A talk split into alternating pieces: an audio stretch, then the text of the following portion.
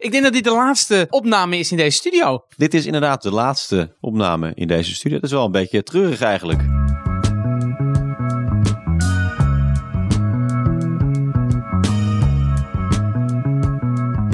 En dus uh, verhuizen we naar uh, Freedom Lab in Amsterdam. Tegenover Artis. Hele mooie plek met allemaal leuke bedrijven in één pand. Ja, wat moet ik er aan toevoegen? Ik heb er heel veel zin in.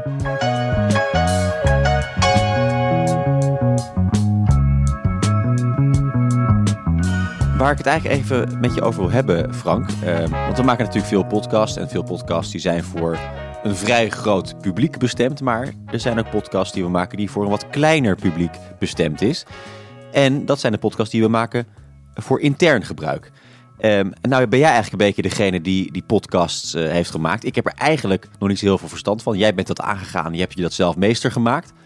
Dus ik wil je eigenlijk wel even wat, wat, wat, wat dingen vragen. En uh, moet je maar kijken of je er antwoord op kan geven. Of dat we dat gewoon liever intern houden. Dat weten we natuurlijk niet. Hè? Dat weet ik niet. Dat is natuurlijk een beetje lastig aan interne podcasts. Is dat we natuurlijk heel veel interne podcasts hebben gemaakt. Onder andere voor een verzekeraar, voor een telecombedrijf in Nederland. Um, maar we kunnen daar natuurlijk niks van laten horen. Wel een beetje jammer, toch? Nee, ja, en dat zeggen wij altijd. Je kan wel podcast maken, maar moet je het ook juist laten horen. Gebruik dat geluid. En nu maken we een podcast over een podcast die we niet kunnen laten horen. Is wel een uitdaging. Ja, Als we dit kunnen, dan kunnen we ja. alles. Nee, maar interne podcasts zijn echt heel erg interessant voor bedrijven uh, die vaak de aansluiting missen uh, met hun uh, werknemers. Sommige bedrijven zijn heel groot. Nou, dan, dan zie je eigenlijk nooit de baas. Nee. Het is alsof je in een vliegtuig zit en je denkt, ja, wie is toch die piloot? Het is toch af en toe lekker om te horen, hi, This is your captain speaking. Good afternoon. This is your captain speaking with just a little flight information. Coming up on the left, we're going to be catching a glimpse of the Precies, ja, ik heb het ook in het vliegtuig inderdaad. Dan, dan stijg je op en dan denk je van ja, misschien zit er wel een of andere mafkees achter het stuur en die ramt mij. Uh, nou goed, uh, die heeft kwade bedoelingen. En dan is het toch lekker om eventjes die warme, zachte, uh, betrouwbare stem te horen van de captain. Nou, precies. En, en met interne podcasts is het heel leuk, want vaak heb je bij bedrijven heb je een soort uh, weekly update en een geschreven tekst waarvan je nooit helemaal weet, oh, is het nou de baas? Het is toch altijd een beetje voorzichtig. Uh, is het nou de baas? Is het misschien door een communicatiemedewerker geschreven? Precies. Het leuke van interne podcasts is dat je uh, als luisteraar heel uh, dicht bij het management zit, bij de baas. Die hoor je vertellen wat er speelt binnen het bedrijf. En dat kunnen vaak knelpunten zijn. Het kunnen hele positieve dingen zijn waar het bedrijf naartoe gaat, de ontwikkelingen. En dat is eigenlijk een hele mooie manier om iedereen bij te praten. En vroeger, uh, als je dan uh, bijvoorbeeld heel veel consultants in dienst had, die hadden dan uh, door het land allemaal opdrachten. Die kwamen dan eens per week terug of eens in de twee weken. En dan had je een soort sessie en dan praat je iedereen bij. Maar het is een beetje ouderwets. Waarom zou je dat niet in een leuke podcast doen? Dat iedereen gewoon onderweg in zijn auto naar klant A of klant B kan beluisteren. En, en hoe, hoe klinkt zo'n podcast dan precies? Want is het dan de baas die zegt: Hallo, dit is de baas. Goedemorgen, welkom bij deze week. We gaan nu dit en dat doen deze week. Uh, nou, dat kan. Als je dat wil, kan dat heel goed. Kijk, met podcast is gewoon, uh, is, er zijn er zoveel verschillende vormen mogelijk. Net zoals met externe podcasts. Het kan een simpel interview zijn. Het kan echt een verhaal zijn waarin een voice-over je meeneemt. En met interne podcasts kan dat natuurlijk ook. Geef eens een voorbeeld. Nou, wat je kan doen is bijvoorbeeld, uh, je kan luisteraarsvragen beantwoorden. Dus vragen van die werknemers. Stel, er spelen bepaalde vraagstukken op de vloer. Beantwoord die dan. Laat werknemers een e-mailtje sturen met een vraag, beantwoord die in de podcast. Zoals je, zodat je echt een connectie maakt als baas met de, met de mensen op de vloer. Dat is hartstikke leuk. Je kan bijvoorbeeld een, een simpel uh, formatje bedenken. Wat er nu speelt, wat er in de toekomst gaat spelen en nog wat anders. Waardoor je eigenlijk elke keer makkelijk aan kunt schuiven. Je kan je bijvoorbeeld laten interviewen door, door een collega. Uh, of je kan je een externe interviewer inschakelen. Of je kan inderdaad een monoloog doen. Dat je kort even een, een, de week omschrijft wat er bij jou uh, is gebeurd. Wat je hebt meegemaakt. En dan een korte monoloog van een, minuutje doen. En daarna iets anders bedenkt. Ja, ik hoorde wel eens mensen over interne podcasts zeggen van ja, zo'n mp3'tje, dat is makkelijk gedeeld met de buitenwereld. Hè, kan een interne podcast wel intern blijven?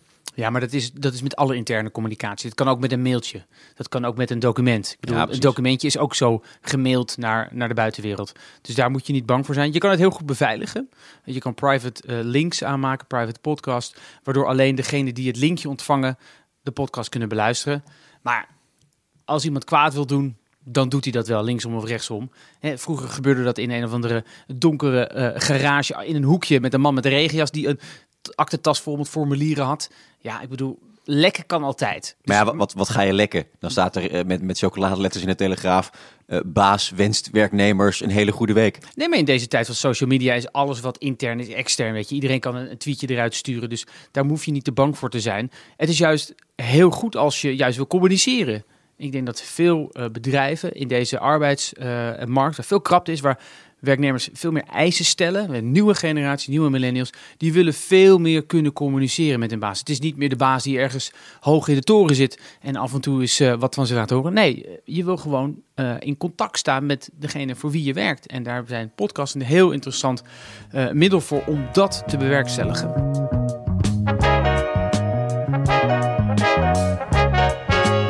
Eh, voor die bedrijven, als ze nu willen beginnen met een interne podcast... en ze willen bijvoorbeeld een weekly update verzorgen voor hun werknemers... eh, hoe vlieg je dat aan? Wat moet je kopen? Wat moet je hebben? Hoe begin je? Nou, ik zou eerst beginnen met een, een formatje maken. Zodat het makkelijk is om elke week die update te doen.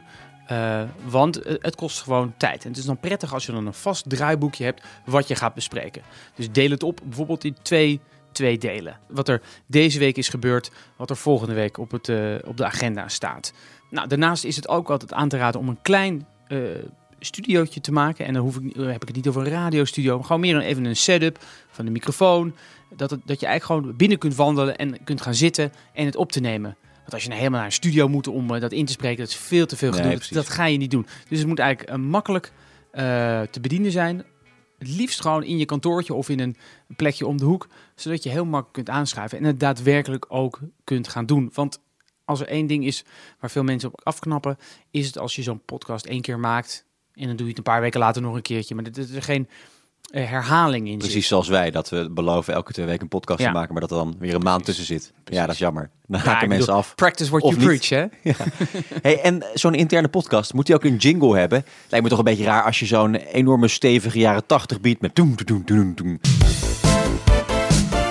Hallo, hier is de baas.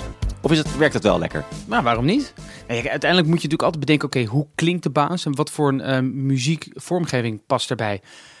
Eh, dat is wel belangrijk. Ja. Kijk, als de baas het gewoon op zijn iPhone opneemt en dan verstuurt, ja, dat klinkt gewoon niet goed. En als het dan helemaal kaal is en puur de, je hoort alleen de baas, het moet wel lekker luisteren. Net zoals een, eh, als je een stuk schrijft, moet het wel leesbaar zijn. Ja, Want dan kan je het wel opnemen, maar als niemand het kan horen of iedereen denkt na een half minuut, jeetje, wat saai, ja, dan schiet het ook niet op. Dus je, maar het hoeft niet heel erg moeilijk te zijn. Hè?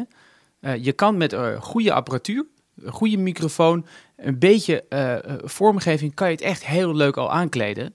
Ehm, maar doe dat wel, want het, het scheelt zoveel. Dat maakt die eerste drempel veel en veel lager. Moet het per se de baas zijn die je hoort? Of kan het ook iemand Nee. anders zijn binnen de organisatie? Nee, maar ik zou. Nee, dat kan, hoeft niet alleen de basis te zijn. Het is wel aan te raden om iemand van het managementteam, omdat die vaker wat verder van de werkvloer staan. Kijk, jij en je collega's hebben toch wat vaker contact. Daar praat je sowieso wel mee. Hè, je, je directe leidinggevende praat je ook sowieso wel mee. Maar degene die erboven staan, daar heb je toch weinig contact mee. Die zitten toch vaak in dat ene kantoortje daar waar je niet vaak komt. En het is juist heel erg leuk om die juist wat meer in contact te brengen eh, met de medewerkers.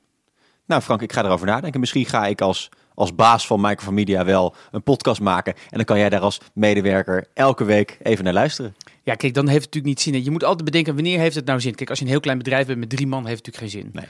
Eh, dus voor MKB'ers vanaf, ik denk, eh 30 medewerkers kan het heel interessant zijn. Zeker als die medewerkers toch eh, vaak buiten de deur zijn. En vaak is het ook makkelijker dan een stuk tekst schrijven. Ja, want die verhalen die je in zo'n podcast vertelt, dat zijn waarschijnlijk ook al de verhalen die je sowieso al vertelt. Die je hebt het sowieso over wat er in de sector speelt, wat Precies. komende week te doen staat, wat er vandaag, wat er vorige week is gebeurd. Daar heb je het Daarom. sowieso wel over. En zoals wij nu doen, wij zitten hier te werken. We schuiven even in onze studio aan. En dan nemen we wat op. Nou, ik ga nu even wat monteren. Doe er een bumpertje voor, een bumpertje achter. Heel simpel. En dan heb je toch een leuk, leuke update voor alle werknemers. En hoe tof is het als je dan maandagochtend naar je werk rijdt. En je doet even de podcast eh, aan van de, van de baas. Duurt vijf, ik noem maar wat, acht minuten. En je wordt even bijgepraat. En je weet, eh, negen uur 's ochtends sta je op kantoor met koffieautomaat. En je weet precies wat er speelt. Nou, het is toch hartstikke leuk.